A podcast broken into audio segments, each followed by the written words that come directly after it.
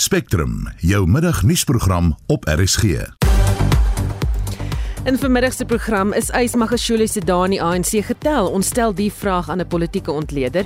Ontleders en oppositiepartye is nie beïndruk met die president se begrotingsrede nie en daar is 'n tekort aan psigiaters in die openbare gesondheidstelsel om kinders met geestesstoestande te behandel. Welkom by Spectrum onder redaksie van John Estreisen. Die produksieregisseur is Johan Pieterse en ek is Susan Paxton.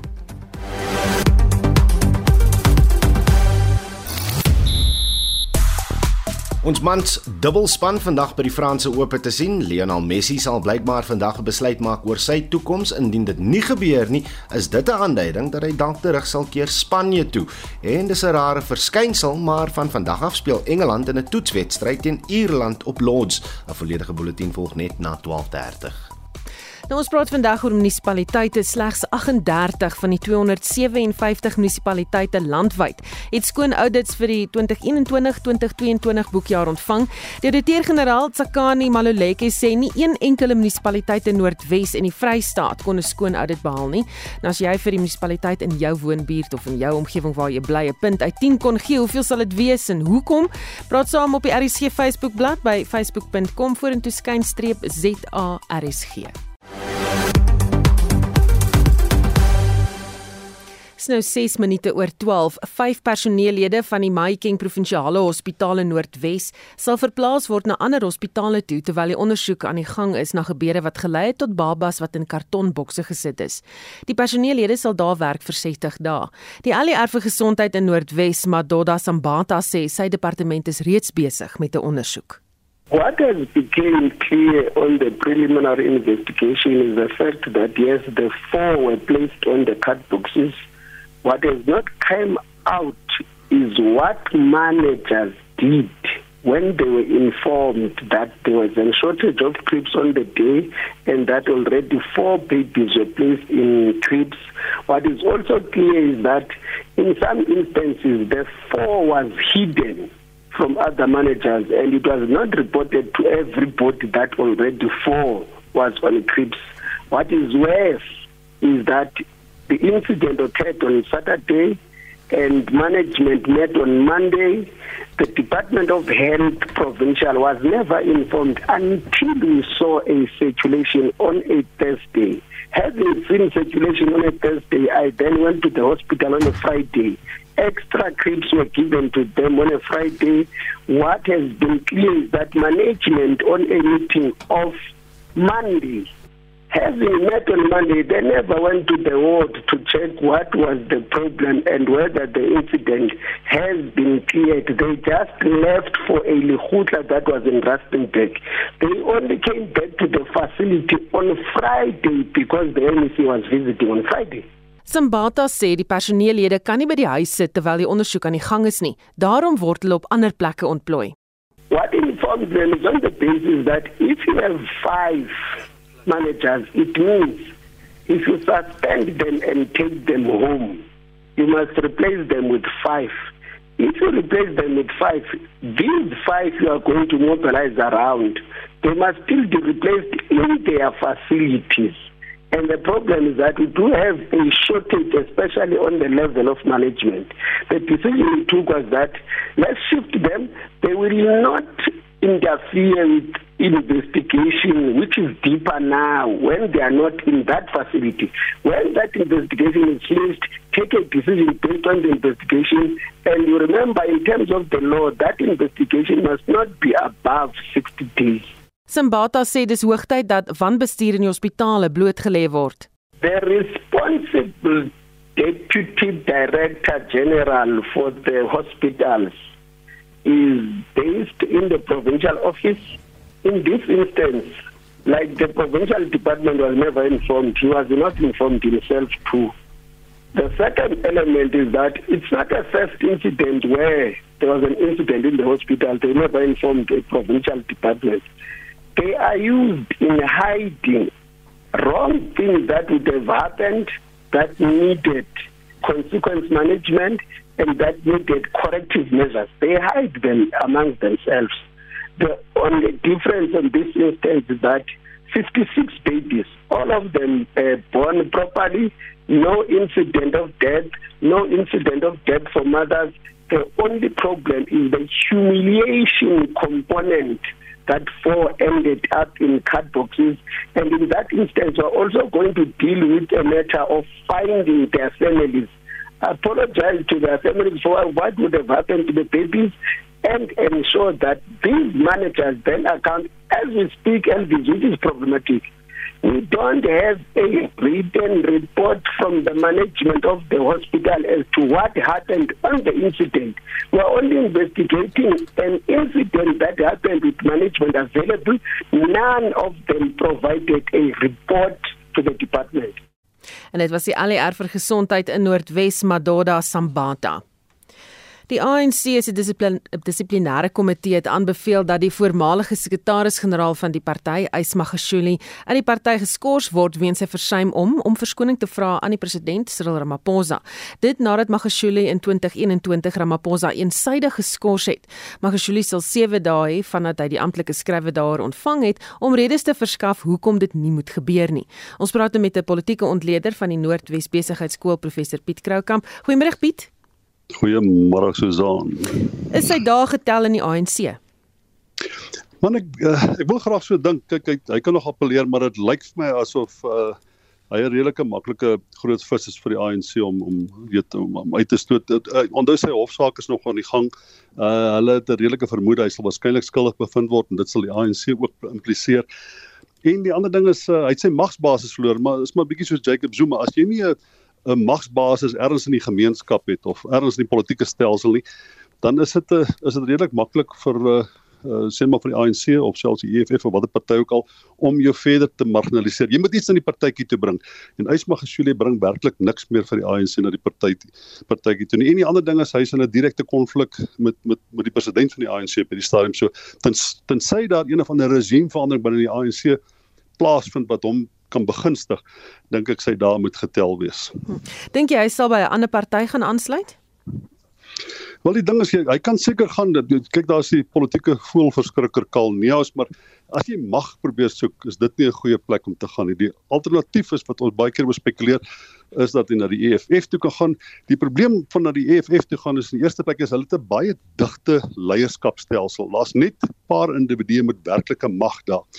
As jy probeer om een of ander om 'n lid te word of om daai stelsel te penetreer, moet jy iets baie baie spesifiek na die partytjie toe bring. En hy het nie werklik meer toegang tot die staatskas nie. Hy het nie werklik meer toegang tot baie geld nie. Ek dink ek het al verlede gesê Ysma Gesule het 'n groot salaris verdien en hy het waarskynlik baie geld uit baie projekte op opportunistiese maniere gemaak. Maar was altyd net drie salaris checks weg van die balie wat opdaag om sy huis en sy kar te vat en niks het intussen verander nie waar dit sê hy is nou nog in 'n swakker posisie. So daar is nie eintlik 'n politieke groepering wat hom in die binnekring sal inlaat. Die die alternatief is vir hom as om 'n individu in volgende jaar se verkiesing te staan. Uh, hy het 'n kans om sê net maar 'n paar duisend stemme te kry, maar weer eens, as jy nie patronaatskap het om te verdeel nie, dan kan jy dalk by die stembus ook begin sukkel. Uh, Jesus jong, ek het eendag te sê ek uh, toe Julius Malema by die ANC weg is, te sê ek ek dink dis die einde van sy politieke loopbaan en ek sluk nou nog uh, aan my eie braaksel oor daai een maar ek wil amper dit weer 'n keer sê oor uh, oor oor oor uh, oor Ismagashule ook. Hmm. Hoekom sal die ANC so lank gevat het om hierdie besluit te neem? Omtrent alles in die ANC neem baie lank om te besluit. Hulle het nog teen omtrent niemand in terme van skaap staatskaping opgetree nie. Hulle hulle om dit om om jy moet om al hierdie goed nê nee, wat wat te doen het met 'n vorm van vervreemding van sterk individue binne die party kom teen 'n bepaalde politieke prys. En die ANC sal altyd wag tot daai prys op die laagste moontlik is tot dit geen konsekwensies omtrent vir die party is nie tot die openbare mening as dit ware al klaar hierdie persoon in die buitenste duister gedryf het. En dan sal hulle reageer. Hulle reageer teen swakkelinge nie teen enigiemand met 'n sterk politieke basis maklik nie. Hm. baie dankie. Dit was 'n politieke ontleder van die Noordwes Besigheidsskool professor Piet Kroukamp Die beloftes wat gemaak word is misleidend en sal tot 'n ramp lei. Dis van die oppositiepartye se reaksie op die presidentsie se begrotingsrede wat gister gelewer is. President Cyril Ramaphosa en die minister van elektrisiteit, Godsiyenso Ramakgopa, het groot gewag gemaak van die feit dat die kragnetwerk onder druk is, maar nie sal ineenstort nie. Verskeie ontleeders het hierdie begrotingsrede as 'n flou staatsrede beskryf. Ons praat met 'n besoekende professor aan die Wits Universiteit se Sakeskool, Janie Resou. Goeiemiddag Janie. Goeiemôre Susan, goeiemôre aan die luisteraars. Die president het konstant verwys na soos ek gesê het in die staatsrede vroeër. Jy weet so nie regtig nuwe aardskinnende aankondigings hier nie. Ja, uh, Susan se gebruiklik is ons taamlik teleurgestel met wat die president gesê het, hy het nie nuwe hoop vir die land gebring nie en hy het nie nuwe planne vir die land gebring nie en hy het weer eens probeer om die ANC van alle probleme in Suid-Afrika te verontskuldig. Hm. Die president het ook byvoorbeeld gesê hy gaan gesante na die G7 stuur om ons standpunt oor die oorlog te gaan verduidelik daar. Uh, gaan dit werk? Nee, die G7 is nie baie geïnteresseerd in ons standpunt nie. Die G7 wil weet aan wiese kant ons in hierdie oorlog is. Ons is aan die weste se kant of aan Rusland se kant en daar's geen duidelikheid daaroor nie en as die G7 besluit dat ons aan Rusland se kant is, gaan dit baie ernstige gevolge vir Suid-Afrika inhou wat selfs sanksies teen Suid-Afrika tot gevolg gaan hê en dan loop ons terselfdertyd die risiko dat ons uit AGOA gelaat gaan word wanneer dit in 2025 hernie moet word. Nou Susan hier uit alles kom vir my 'n tema. Dit lyk nie vir my of meneer Ramaphosa regtig meer in beheer van die land is soos wat ons 'n president in beheer van die land wil hê nie. Ek dink hy's besig om sy lus hiervoor te verloor. Hmm. En sê vir my, eh, daar's ook baie gesê oor beurtkrag. Uh voel jy meer gerus? Nee, ek voel definitief nie meer gerus nie. Meneer Ramaphosa het dan nou al lankal en vir baie jare lank gebabbel oor beurtkrag en al hierdie gebabbel het tot geen verbetering gelei nie. Ons moenie vergeet dat meneer Ramaphosa as adjunkt president van die land destyds verantwoordelik was om probleme by Eskom op te los nie. Dit nog steeds nie gebeur nie. So om te praat oor hierdie probleem gaan ons regtig niks in die sak doen nie. Uh, sak bring nie. Dit lyk vir my meneer Ramaphosa het die punt bereik waar hy glo dat as hy oor iets praat, dinge sal verbeter. Wat ons op hierdie stadium Suid-Afrika nodig het, is duidelike planne oor hoe om ons ekonomie weer te laat groei sodat daar werkskeping vir mense kan wees en dit is wat ons nie gister by meneer Ramaphosa gehoor het nie. Hy het soos 'n flou makou te kere gegaan uh wat regtig nie meer in beheer van sy eie party of van die land is nie. Baie dankie, dit was 'n uh, besoekende professor aan die Wits Universiteit se Sakeskool, Janie Rousseau. Inwoners van Duncan Village in die Oos-Kaap eis dat wetstoepassers moet optree teen onwettige dwelmhandel in die middestad van Oos-London. Die sakekern huisves en nagklub, verblyfgeriewe en meubelwinkels. Inwoners beweer dat die saakondernemings vir onwettige dwelmaktiwiteite gebruik word. Mitsi van der Merwe het meer. Ontstoke inwoners het die strate ingevaar in verset teen die baie inbrake wat hulle moet verduur. Hulle beweer dat die gesteelde goed dan weer in die St Paulstraat gebied in die middestad van Oos-London verkoop word. 'n Gemeenskapspolisieeringsforum lid, Ludumu Salman, sê hulle het al verskeie kere op onwettige dwelmmiddels in klopjagte in die gebied beslag gelê. It's affecting us in the sense that there's too many burglaries informed by the use of drugs. Every time they steal, they actually looking for a fix. They do that in order to get a fix at this particular residence, which is California, because we have discovered that they are the source of crime. 'n Plaaslike sakeman, Fanie Cronje, sê misdaad is aan die orde van die dag. There are drug deals going on here on a daily basis, and every now and again, you know, there are police presence. They, every now and again, they come and they just take every car in the street, they load it up, and then they go and search it for drugs. So, yeah, it is a situation I don't think that will be resolved unless serious action will be taken by the police. Een van die buitelandse sakemanne, Rich Okoye, sê die polisie moet vir die ontwettige dwelmhandel blameer word. The South African police are exacerbating the whole thing by making it worsen by collecting bribes from some of these guys in the street instead of fighting crime. Die polisiewoordvoerder, brigadier Temenkosi Kinana, sê dit is 'n misdaadbrandpunt in die Buffalo City Metro en kry baie aandag van die polisie. In cases where communities have a reasonable suspicion police involvement in these crimes, they must not hesitate to come forward so that those involved can be dealt with in terms of the law. I must add that the SAPS management has prioritized districts such as BCM and there are intensive operations currently underway as we speak. We are optimistic that uh, Operation Chanela will change the narrative in that area. Die ontevrede betogers eis ook dat die departement van binnelandse sake die kwessie van ongedokumenteerde buitelanders hanteer. Lubaba Ludada het hierdie verslag in Oos-London saamgestel. Mitsi van der Merwe, SAK-nuus. Die dringende aansoek van Dr Nandipa Magadumana, een van die verdagtes in die Tabo Bester ontsnappingssaak, word vandag in die Hooggeregshof in Bloemfontein aangehoor. Magadumana betwis haar inhegtenisname in Tansanië in April vanjaar en vra dat die hof dit onwettig verklaar. Sy voer ook aan dat Suid-Afrikaanse owerhede haar in April met geweld in hegtenis geneem en dat sy indirek ontvoer is. Die minister van Binnelandse Sake, Aaron Motsoaledi, staan die aansoek teen. Ons praat met ons verslaggewer in Bloemfontein, Refilwe Mikwa. Uh, good afternoon, Refilwe. Good afternoon. Good afternoon to the listeners. What are Madugumani's main arguments on her application that she was held against her will in Tanzania and that South African authorities uh, flouted the law? Yes, um, her legal representative, uh, advocate, senior counsel, Anton Katz, he highlighted two issues, saying that he said legislation was uh, extradition in disguise. He stated that if it was a deportation, he would, he would have been granted um, consent if it wasn't. She was supposed to also be provided with days before she could return. Um, Refilwe, ja, Refilwe, we uh ja, kan uh, we there's something wrong with the line. So ons gaan nou vir jou gou-gou teruggee daarna die uh, kontrolekamer toe dat hulle net kyk of hulle die lyn vir ons beter kry as ons verslaggewer daar in Bloemfontein Refilwe wat vir ons nou dalk weer gaan vertel wat daar aangaan. I'll say like my het vir Refilwe terug. Refilwe, are you there? Yes, I'm here. All right, that line's much better now. We can hear what's going on. So we were talking about her main uh, Magadumani's main arguments in her application.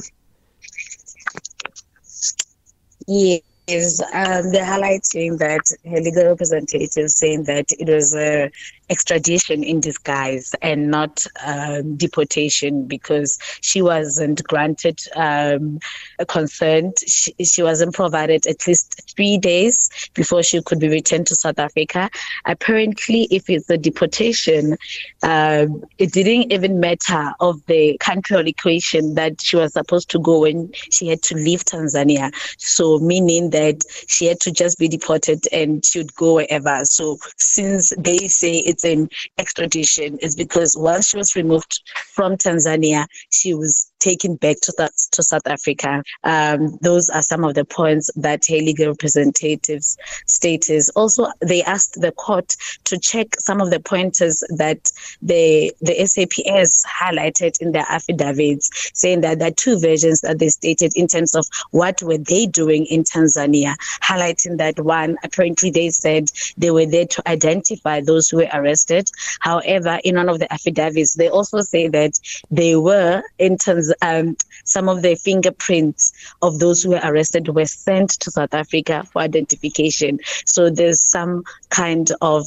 um, that information needs some clarity, of which uh, her legal representative said the court needs um, to just check on it. Hmm. Now, the Department of Home Affairs are disputing these claims and was added as a sixth respondent in the matter. What are their main arguments? They are only starting to speak right now. Um, however, they did highlight that they, in one of their affidavits that it was based on them knowing that she was with a fugitive, somebody who was wanted, and other pointers they're still going to highlight right now um, as as I speak. Mm. And when are you um, expecting judgment? I, I be- believe that the judge will probably hear both um, or all parties rather and then probably it's likely we spoke to a legal expert earlier on who said that it's likely that they'll only present judgment not today after he, he has heard all the arguments. So it's uncertain uh, on the when part. Baie dankie het gepraat met ons verslaggewer in Bloemfontein Refilwe Mikwa. Jy luister na Spectrum elke weekmiddag tussen 12 en 1 Later in die program nie regeringsorganisasies vra die regering om op kinders se geestesgesondheid te fokus en die ouditeur-generaal is bekommerd oor munisipaliteite wat toenemend geld op konsultante bestee. Bly ingeskakel hier op RSG.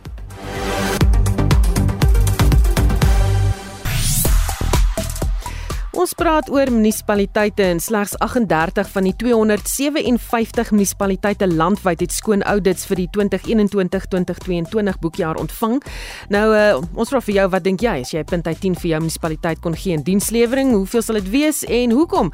En Marie Kriege, 'n burger sê uh, op Facebook na byna 30 jaar is ons eenspragtige dorp Sekunda 'n vergaande dorp, 2 uit 10. Dis ook uh, waar van die ander dorpe of ook waar van die ander dorpe in die groter Govenbeki munisipaliteit val. Een pragtige dorpe op die Hoëveld nou vuil goed hoop sê sy. Joey Pretorius Becker sê sy is in Hermanus en sy gee hulle 9 uit 10. Johan Ebersen sê Drakensberg munisipaliteit waaronder die Parel val, dis 'n 9 uit 10. Goeie diens en dinge word gou reggemaak. Lientjie Avenant sê Beaufort Wes 5 uit 10. Die swembad gym is stikkend, daar slaggate oral in die paaie en nog iemand wat sê die Parel, hulle kry sommer 10. Uh dis Johan Pretorius. Hy sê hulle diensverskaffing is goed en Parel se polisie is lekker en Afrikaans is op hulle stikke sê. Dis 'n lekker terugvoer daai. Ek wil dit dalk laat weet daarso by die polisie diens. Jy kan steeds saamgesels op die RSG Facebook bladsy. Gaan maak gerus 'n draai daar. Dis uh, natuurlik uh, op daardie uh, Facebook bladsy adres uh, facebook.com vorentoe skynstreep ZARSG. En Udo Karels sluit nou by ons aan vir die jongste sport. Goeiemiddag Udo. Middag Susan. Kom ons begin met sokker en in die buiteland sit almal in afwagting om te hoor waar hy die wêreld se beste speler op pad is. Ja, Lionel Messi se toekoms is sokker se groot besprekingspunt vandag. Dat hy Paris Saint-Germain gaan verlaat voor volgende seisoen, dis gewis. En nou word dinge bietjie interessant want die sportminister in Saudi-Arabië het vandag bevestig dat klubs in die land binnekort sal aankondig dat uh, net Messi nie maar ook die doelskieter Karim Benzema volgende seisoen in die land se Pro Liga gaan speel. Nou sover is daar berig dat die klub Al Hilal bereid is om 1.2 miljard dollar te betaal, betaal vir Messi se dienste. As dit die geval is, dan is dit die duurste sportkontrak ooit. En dit sal dan ook verseker dat die stryd tussen Messi en Cristiano Ronaldo voortgesit gaan word wanneer Ronaldo speel in Saudi-Arabië. Let wel, Messi se bestuur het ook aan 'n uh, media maatskappy in Spanje um, uh, laat glip dat hulle sy ou klub Barcelona nog 10 dae gegee het om 'n aanbod te maak vir sy terugkeer. En ons weet dat die voorkeur van Messi is dat hy nog steeds in Europa gaan speel. So ons hou hier een fyn dop. In Europa het uh, Sevilla ook afgereken met Roma om uh, die Europa uh, die Europa Liga trofee omhoog te hou. Die oorwinning danksy 4 strafdoele teenoor 1 verseker ook dat die Spaanse klub vir volgende seisoen se Kampioenliga in Europa kwalifiseer. Hier op tuisbode met Maritzburg United vir Kasserik Stars 2-0 verklop om bo op die punteleer te sit van die promosie relegasie uitspeel reeks. Nou United speel Saterdag weer teen Cape Town Spurs wat in hulle eerste wedstryd 1-0 met Kasserik Stars afgereken het. Kom ons praat oor rugby. Vroeg hierdie maand gaan die bokke weer bymekaar kom vir voorbereidings vir wat voorlê vir die res van die jaar. Is die Wêreldbeker wat in 99 dae se tyd is uh, hoog op die agenda? Absoluut en dis die hoofpunt waarna hulle toe werk maar die bokke gaan weer op 11 Junie in Pretoria bymekaar kom vir 'n vergrote groep met voorbereiding vir die rugby kampioenskap begin. Spelers soos Andre Pollard, Jasper Wiese en Cheslin Colby wat die afgelope uh, kamp misgeloop het, sal dan by die groep aansluit. Intussen het Jake White ses veranderinge aangebring aan sy 15-tal wat eenvoudig môre moet wen teen die Griffins in die Currie beker. Drie erkende loskakels in die agterlyn met die veteraan Johan Goshen op heel agter, uh, Chris Barend Smit in die 12de ry op binnesenter en Chris Smit op 10. Konal Hendriks, hy is ook op die regtervleuel ingesluit. Nizam Kaar draf op op 8ste man uh, terwyl uh, Karl Brink in die sewe flanke posisie sal speel. En in cricket is dit 'n bietjie selsaam om 'n toetswedstryd tussen Engeland en Ierland te sien, maar daar is tans een aan die gang. Ja, Ierland het tot dusver nog net een ander toets teen Engeland gespeel sedert die ontstaan van die sport in 1883. Dit was in 2019. Ook op Lords en Ierland het daai wedstryd met 143 lopies verloor. Nou hierdie toets is oor 4 dae en is basies 'n oefenlopie vir Engeland voor die reeks om die as in 2 weke tyd teen die ou vyand Australië begin. Ben Stokes hy het die lood gewen vanoggend en besluit om Ierland eerste te laat kom. Die naadbouler Josh Tang maak ook sy debuut vandag in die jongste telling daar 15 vir die verlies aan een paaltjie Pieter Moor. Hy is uitbeen voor paaltjie betrap vir net 10. So vlei vlei my stories uit. Uh, is nou tyd vir ons kollega Pieter van der Berg om ons laat weet wat daar by Roland Garros aan die gebeur is. Middag Pieter. Middag sê Udo, ja en baie welkom ook aan ons luisteraars. 'n Interessante vyfde dag wat voorlê. 'n Paar wedstryde wat reeds begin het. Die eerste is om 11:00 reeds vanoggend, 28 grade sonnig en warm en 'n wind in die omgewing van 19 km/h wat waai. Maar kom ons kyk na van die wedstryde wat aan die gang is op die oomblik nog geen wedstryd afgehandel nie. Dit is Casper Ruud wat vierde keer is. Hy speel teen Zaveri en dit is die man van Italië en daardie telling 3-1 in die eerste stel vir Casper Ruud en so pas het hy sy afslaam behou en hy is 4-1 voor dis nou Casper Ruud die vierde gekeerde in daardie eerste stel.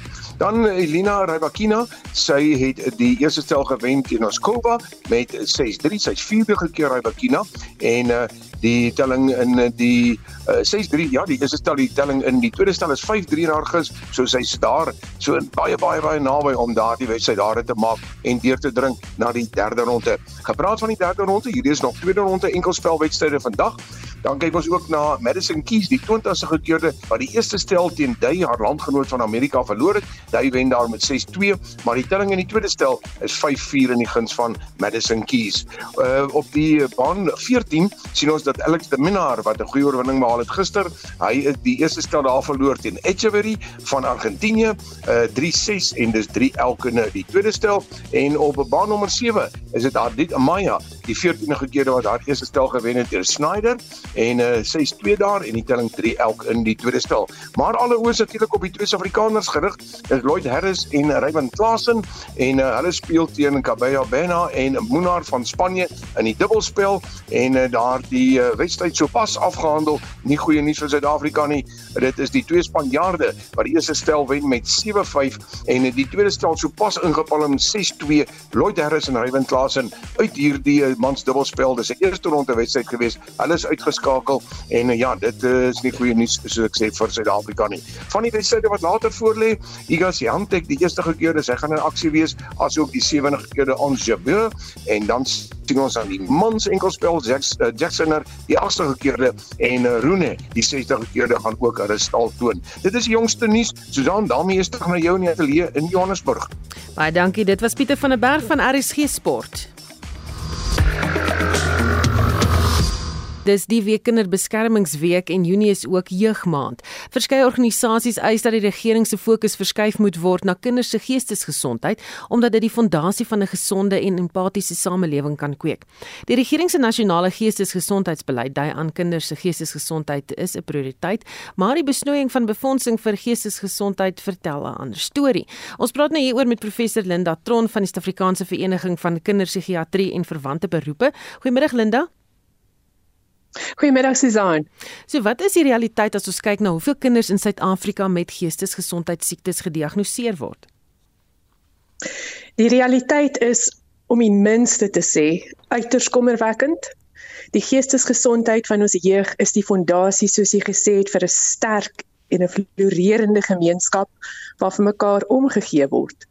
Maar ongelukkig is die huidige realiteit dat meer as 1 uit elke 10 kinders en adolessente in Suid-Afrika 'n diagnoseerbare en behandelbare geestesgesondheidsiekte het. Dit sluit onder andere depressie, angs, posttraumatiese stresversteuring ensovoorts um, in. Hmm. Dit seker nie verbasend nie as uh, mens in ag neem waar ons jong mense blootgestel word, Susan. 2/3 leef in erge armoede, een uit elke 2 of amper een uit elke 2 is al blootgestel aan geweld en 1 in 3 is al aan mishandeling blootgestel. So dis 'n dis 'n uiters kommerwekkende realiteit. Hmm. Hierdie statistiek lyk sleg. Daar is slegs 15 kinderpsigiaters wat in die openbare gesondheidssektor dan nou ook werk. Kry hierdie kinders die regte behandeling? Dis 'n baie goeie vraag. Ek dink nie dis 'n kwessie van die regte behandeling nie. Dis dalk eerder 'n kwessie van of hulle enigsins behandeling kry. Daar's ongeveer 60 kinderpsigiaters in Suid-Afrika waarvan soos jy sê slegs 15 in die openbare gesondheidssektor werksaam is. Ons het ook ten minste hulpkundiges. Verdere psigiatriese dienste vir kinders en vir adolessente tipies beperk tot stedelike gebiede. So kortom, jong mense met geestesgesondheidsiektes kort gespesialiseerde dienste en hulle kry dit tipies nie. Hierdie behandelingsgaping is nog meer problematies gesaan wanneer mens besef dat die helfte van alle geestes geestesgesondheidsiektes onder volwassenes voor die ouderdom van 14 begin. Vroeë intervensie is dus van kardinale belang en ons jong mense kry dit nie. Mm. Hoe verskil die behandeling van byvoorbeeld 'n jong mens teenoor 'n ouer mens? Dit verskil grootendeels. Die probleem in ons land is dit dat die geriewe wat beskikbaar is tipies gerad is vir volwassenes. En dan word ons jong mense blootgestel aan volwassenes met geestesgesondheidsiektes en dit vererger net dit wat die jong mense reeds ervaar. En sê vir my in die regering se nasionale geestesgesondheidsbeleidsraamwerk vir 2023 tot 2030 sê hy hy is ernstig oor kinders se geestesgesondheidsprobleme, maar terselfdertyd besnoei die regering befondsing aan geestesgesondheidsinstansies. Ja, dis paradoksaal. Die intensie om jong mense se geestesgesondheid ernstig op te neem en te beskerm is regtig verblydend. Maar sonder die nodige finansiële en menslike hulpbronne gaan daardie intensie waarskynlik te min beteken. Hmm. So wat moet gedoen word? Wel kortom, die geestesgesondheid van kinders en adolessente moet 'n regeringsprioriteit wees waarin die regering dadelik belê. En die publiek kan ons help hiermee. Hulle kan ons petisie teken. Dis beskikbaar op awetu.amandla.mobi. En onder andere doen daardie petisie 'n beroep op die regering om provinsiale provinsiale leierskap te vestig en 'n geoormerkte begroting beskikbaar te stel om fasiliteite wat geestesgesondheidsdienste aan kinders en adolessente bied drasties te vermeerder om te verseker dat hierdie dienste privaat en konfidensieel is asook beskikbaar wanneer dit geleë is vir kinders en vir adolessente en dan ook om kinders en adolessente te betrek by die ontwerp van dienste ehm um, wat kinder en adolessent vriendelik is. So asseblief ons ons doen 'n regte beroep dat die publiek ons help hiermee en ons petisie teken. Dit sal die saak regtig vorentoe dryf. Geen net wie vir ons die adres waar hy beskikbaar is? Seker, dis Awetu. So dis A W E T H I. .amandla www.mobi. Mobi. Baie dankie. Ons gepraat met professor Linda Tron van die Suid-Afrikaanse Vereniging van Kinderpsigiatrie en Verwante Beroepe. Die geld wat munisipaliteite bestee aan konsultante het beduidend toegeneem die finansiële jaar teenoor die vorige jaar. Maar daar was nie waarde vir die geld wat bestee is teruggekry nie. Dis volgens die ouditeur-generaal Tsakani Maluleke se jongste munisipale auditverslag. Slegs 38 munisipaliteite uit 257 in die land kon 'n skoon audit ontvang. Die dokumente wat eh, Tshwane Metro byvoorbeeld ingedien het, is van so 'n lae gehalte dat die ouditeur-generaal dit glad nie kon gebruik om 'n audit mee te doen nie. Ons praat nou met professor Erwin Swela, die dekaan van die Groente College Skool vir Sosiale Innovasie. Goeiemiddag Erwin. Middag Susan. So wat's jou indrukke van die jongste auditverslag oor munisipaliteite? Nou wat eintlik konstant bly Susan, interessant genoeg, dit is nou die tweede ouditeur-generaal en die auditeurs-generaal ehm um, by ons in Suid-Afrika het langtermyne en wat konstant bly is dat munisipale prestasie net agteruit gaan. So die vorige ouditeur-generaal in die laaste 3 of 4 jaar ehm um, van sy rapportering en die huidige ouditeur-generaal, ek dink dit is nou haar tweede of derde jaar, het net 'n konstante uit agteruitgang gewys. Nou dan vra mense die vraag, die ouditeur-generaal is 'n uiters uh, kom ons sê professionele groep mense wat rapporteer en dit word net swakker. Ehm um, nou hoe gaan ons dit regstel? En my punt is daar is sistemiese swigting van ons instellings en plaaslike regering is besig om te soog. Dit gaan nie beter nie. En uh ek hoop eintlik dat daar gevolge sal wees, want dis die een probleem.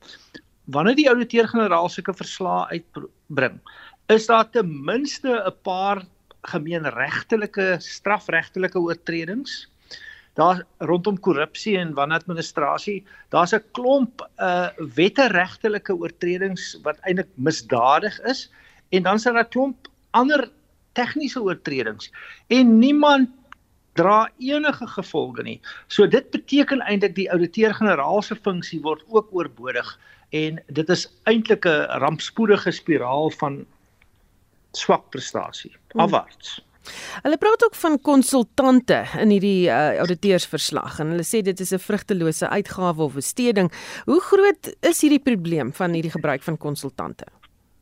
As gevolg van die kom ons sê nou maar die die wyse waarop die uh vermoëns en die vaardighede van munisipale amptenare wat veronderstel is om 'n professionele korps van amptenare te wees.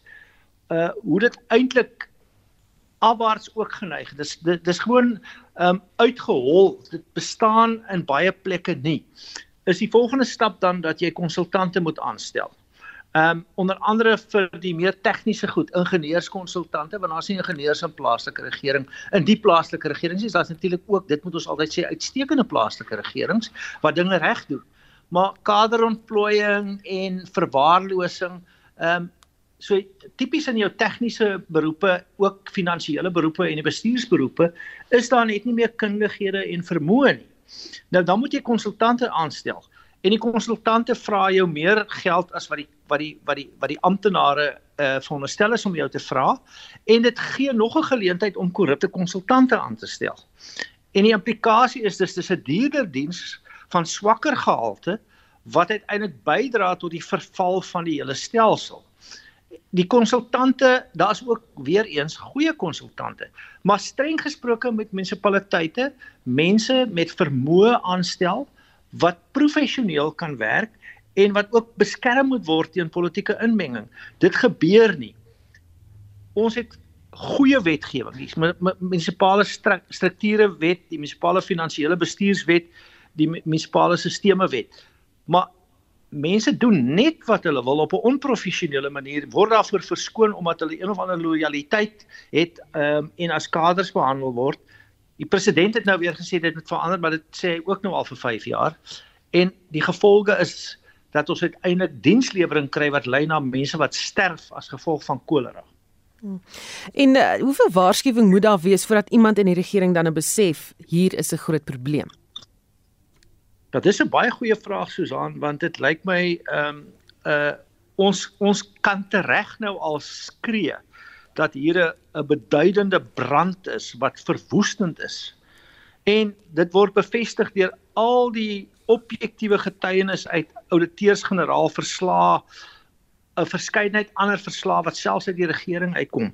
En die president sê dan wonderlike woorde oor hoe dit moet verander, gaan verander en dan verander niks. Hm. En sê vir my Erwin, laaste vraag, wat gaan die rol van die inwoners van hierdie munisipaliteite wees om saak reg te ruk? Ons het nodig, Susan, ons as die gemeenskappe wat deur hierdie soort situasie getuister word. Hierdie is sistematiese tuistering. Ehm um, ons het nodig om goeie ontledings te doen van waarmee ons te doen het. Tweedens dan aksie te neem en ons sien mos nou dat in baie dorpe en stede selfs in stedelike gebiede spring mense maar self in die probleem is is nou betaal ons twee keer. Ons betaal die munisipaliteit om niks te doen nie en dan betaal ons weer om self iets te doen. So ons verloor eintlik 3 keer. Maar in elk geval, ons sal self aksie moet neem om ons lewensomstandighede te verbeter.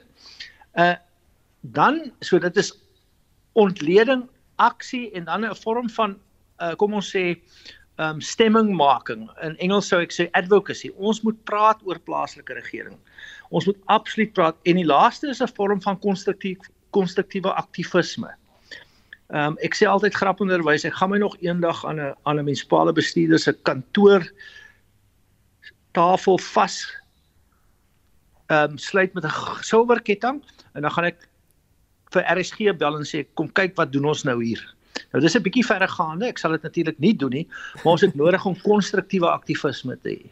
Ag, ek's net teleurgesteld. Ons sal verseker op daai uitnodiging reageer en kom kyk wat jy doen en dit sommer op ons Facebook bladsy sit dat mense kan sien. Uh maar baie dankie. Dit was professor Erwin Swela, die dekaan van die Huguenot College se skool vir sosiale innovasie. Groot afleggings kan in Suid-Afrika kom, so waarsku uh, Michael Gulan, die bestuurshoof van die geleerdheids- en ontwikkelingsgroep G&G Advocacy. Hy glo die land is op pad na 'n resessie te midde van politieke onsekerheid en volgehoue beerdkrag. Die hoof van arbeid die, by die regsmaatskappy Baker McKenzie, Juan Botha sê dit is praktyk om in swak ekonomiese toestande poste te sny. Meeste werkgewers bespaar koste deur te kyk na hoe hulle, hulle prosesse kan verander en in meeste besighede is die arbeidskoste een van die grootste insetkoste. So baie werkgewers kyk na 'n vermindering in getalle om so 'n besparing teweeg te bring. Hoe het die COVID-pandemie die arbeidslandskap verander? Besighede en werkgewers en werknemers moes hulle manier van besigheid doen verander. Ons het van die huis af begin werk, ons het meer geld begin spandeer aan tegnologie en hoe om mense bymekaar te kry sonder om fisies in dieselfde werksplek te wees. Die pandemie het 'n meeste besighede geforseer om anders te kyk oor hoe hulle hulle operasies bedryf. Ons het gevind dat mense nou van die huis af werk. So wat die pandemie gedoen het, is om ons te forceer en sê, is dit regtig nodig vir jou om 'n groot baksteen gebou te hê wat in die middel van Sandton staan of kan jy jou werk gedoen kry deur mense van die huis af te laat werk? partykeer in te kom en ander kere van die huis af te laat werk. So ons moet regtig mooi kyk na die buigbaarheid wat ons nou geërf het as 'n groot voordeel van COVID af. Watter regs en ander risiko's moet werkgewers oorweeg om lanktermyn die beste besluite te neem wanneer hulle hulle werksmag moet verminder? Een van die meganismes wat die werkgewer het om die besigheid optimaal te posisioneer vir die veranderinge wat maar altyd inherënt is aan besigheid doen, is om seker te maak dat die struktuur van die besigheid die besigheidsstrategie ondersteun. En daai struktuur gaan verander want die werksplekke verander en ons kliënte verander en die omgewing en die ekonomie verander. So die beste ding wat 'n werkgewer kan doen is om te sê soos ek my besigheidsstruktuur moet verander, gaan daar poste wees wat botalig raak, daar gaan poste wees wat saamsmelt, wat wegval en dit affekteer die mense wat daai poste beklee. So hoe posisioneer ek die besigheid optimaal om seker te maak dat hierdie werknemers wat in my diens is, dat ek die beste kandidaate onder hulle kies om die struktuur wat ek nodig het om my besigheid vorentoe te vat, die beste kandidaate om daai poste te vul. En, en dit is die beste praktyk wat besighede aanneem en wat ons hof ook ondersteun om te sê dat jy kan kyk na die werksmag wat jy het en as daar van daai mense botalig moet wees. Die wat jy kies om saam met jou te hou en vorentoe te vat om 'n nuwe struktuur te vul. Beste praktyk is om seker te maak dat jy kies daai mense wat die nodige ondervinding, vaardighede het om jou nuwe rolle te vervul. Nie om te kyk, luister ek het vir Koos en Jan en Sunny wat baie goed gedoen het in die rolle wat ons het en hulle het baie goed gedoen tot op nou toe nie.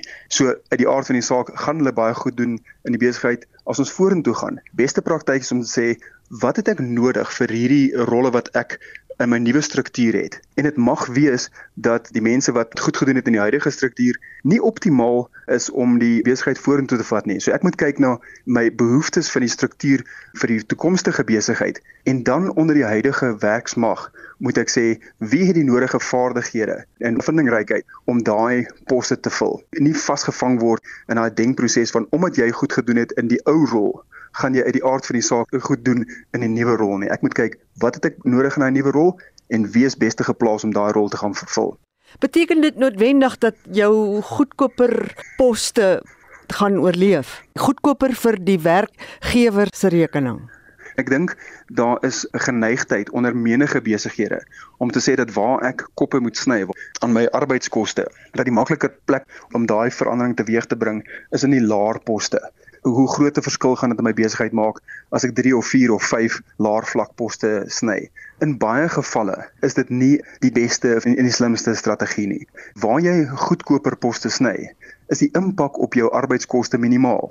Terwyl as jy meer duurder poste sny, meer senior poste sny, kan jy 'n meer wesenlike verandering aan jou arbeidskoste teweegbring as dit is waar die skoen knyp. As jy arbeidskoste moet sny, maak dit nie sin dat jy 3, 4 laer vlak poste sny nie. Dit maak eerder sin dat jy een meer senior pos sny. Maar die slim manier van hoe om hierdie tipe van werksplek verandering teweeg te bring is om te kyk en sê wat het ek eintlik nodig? So ek vat 'n skoon stuk papier, ek teken vir my 'n uh, organigram wat my besigheidsstrategie soos dit verander het, gaan ondersteun as ek vorentoe gaan. En dan sê ek watter poste het ek nodig vir daai rol? En in meeste gevalle gaan jy veranderinge aanbring op 'n senior en bestuursvlak ook, want dit is waar die besigheid gelei moet word en is heel onwaarskynlik dat jy net gaan wegkom of regkom daarmee om 'n paar goedkoper poste te sny, maar jy kan die res van die struktuur net so los. Dit was Johan Botha, hy is die hoof van arbeid by regs die regsmaatskappy Baker McKenzie en hy het met uh, Mitsi van der Merwe gepraat. Vandag se sake nuus word aangebied deur Chris Weemeyer, hy's 'n portefeuljebestuurder by PSG Wealth Pretoria. O, goeiemôre Chris. Goeiemôre Susan, ons het vandag uh, die Absa aankoopbestuurders indeks uh is bekend gemaak vir my maand en hy het geval na 49.2 punte toe uh en dit was van 49.8 die laaste maand en dit wys dat dit die eh, vierde agter een volgende maand is wat 'n vervaardigingsaktiwiteit terugsak en dit is maar as gevolg van die groot energiekrisis wat ons het. Maar ons mark het uh, die laaste paar dae baie swaar gekry. Herstel 'n bietjie vandag. Ag julle indeks nou 0,6% hoër op 75565. Navigates indeks 'n persent sterker finansiëel 0,7% hoër en dan die hulpbronne tans net so bokant onveranderd op 0,1% sterker. Dis maar die swak rand wat die mark vandag dryf hier rand op 'n stadium vandag hier oor die R19.90 vir Amerikaanse dollar verhandel. Bietjie teruggekom hier op R19.77, maar uh, ons het 'n groot afverkoop gesien en uh, by die kleinhandelaars sien ons maar nog steeds 'n bietjie druk Spargroep wat gister 16% verloor het, vandag weer 7% laer op R97.99. Pick n Pay ook 2% laer op R31. Dan Tiger Brands wat ook vroeër in die week uh, baie uh, swak vooruitsigte gehad het. Sy prys ook 0,4% laer op R149.79. Kom sê vir Chris, eh, Chris, wil jy nie dan vir ons 'n slukkie water vat of vinnig hoes nie? Ons gaan vir jou teruggee daar aan Johan dat jy gou net daai keel skoon maak. Ek kan hoor jy sukkel so effe. En klik van jy is weer ja. reg. Daar sê Chris. Ja.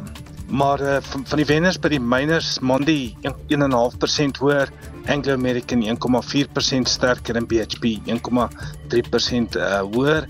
Platinum miners egter onder druk Northern Platinum 2.8% laer, Impala Platinum 2.4% laer. So nie baie sterk dag vandag by beurs nie. Baie dankie. Ek het nou 'n bietjie water gekry oh, en dan die rand en en dan die rand op hierdie stadium uh R19.77 vir 'n dollar. 'n Euro kos jou nou R21.18 en 'n pond R24.65.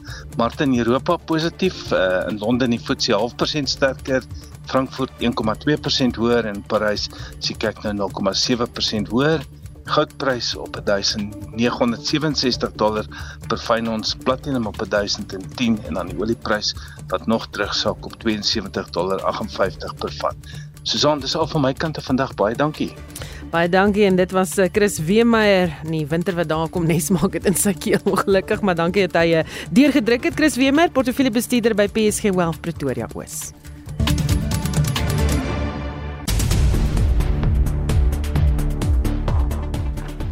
En Estie sluit nou by ons aan met die nuus en ontwikkelende stories. Ons begin met die Suid-Afrikaanse Menseregte Kommissie wat sê iemand moet verantwoordelik gehou word vir die mense wat weens kolera gesterf het. Dis reg Susan, die Mpumalanga Departement van Gesondheid het vanoggend die eerste geval van kolera in die provinsie bevestig en dat 'n 74-jarige vrou Dinsdag oorlede is. En dit bring die aantal mense wat weens kolera dood is op 25 te staan. Die kommissie se voorsitter in Gauteng, Zamatunga Mbeki, sê die oorsprong van die uitbreking moet bepaal word. Action needs to be taken even through the courts and once liability is determined. What the Commission and other entities are currently looking at is once you determine where the source of the outbreak is, you know that you then have the right to sue that particular entity in terms of loss of life. There's legal recourse. But overall, the most important thing is that we make sure that this issue of the water is treated overall.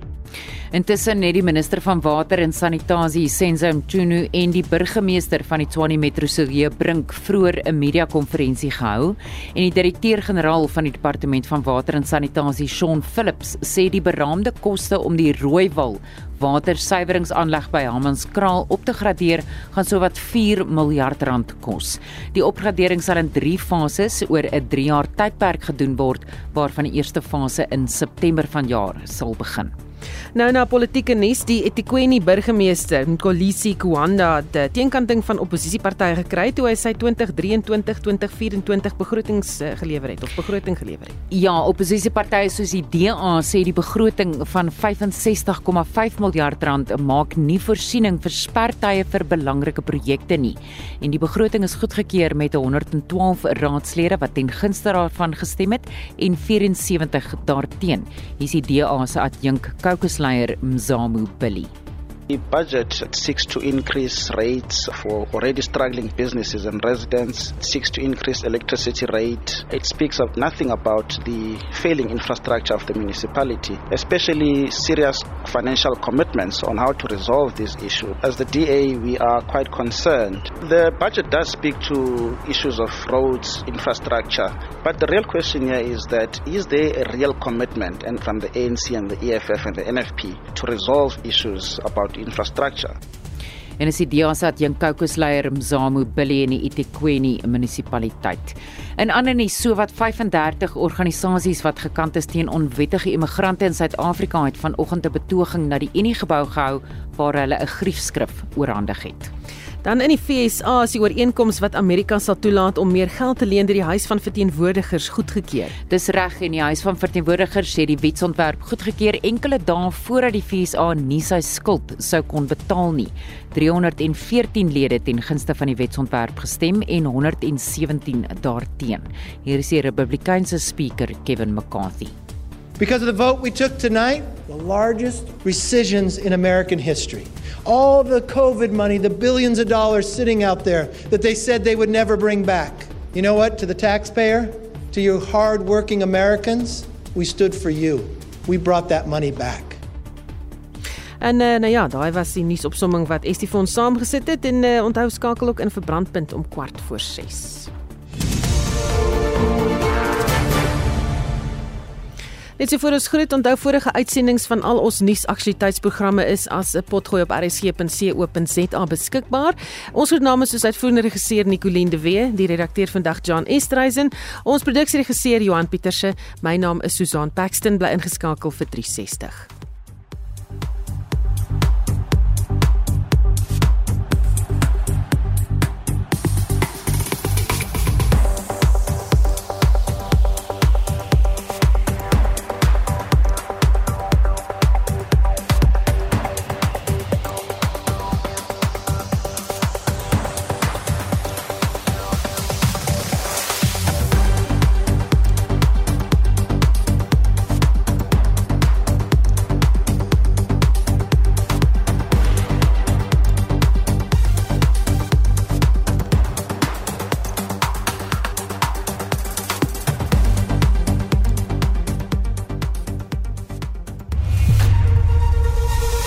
SAK nuus. Onafhanklik, onpartydig.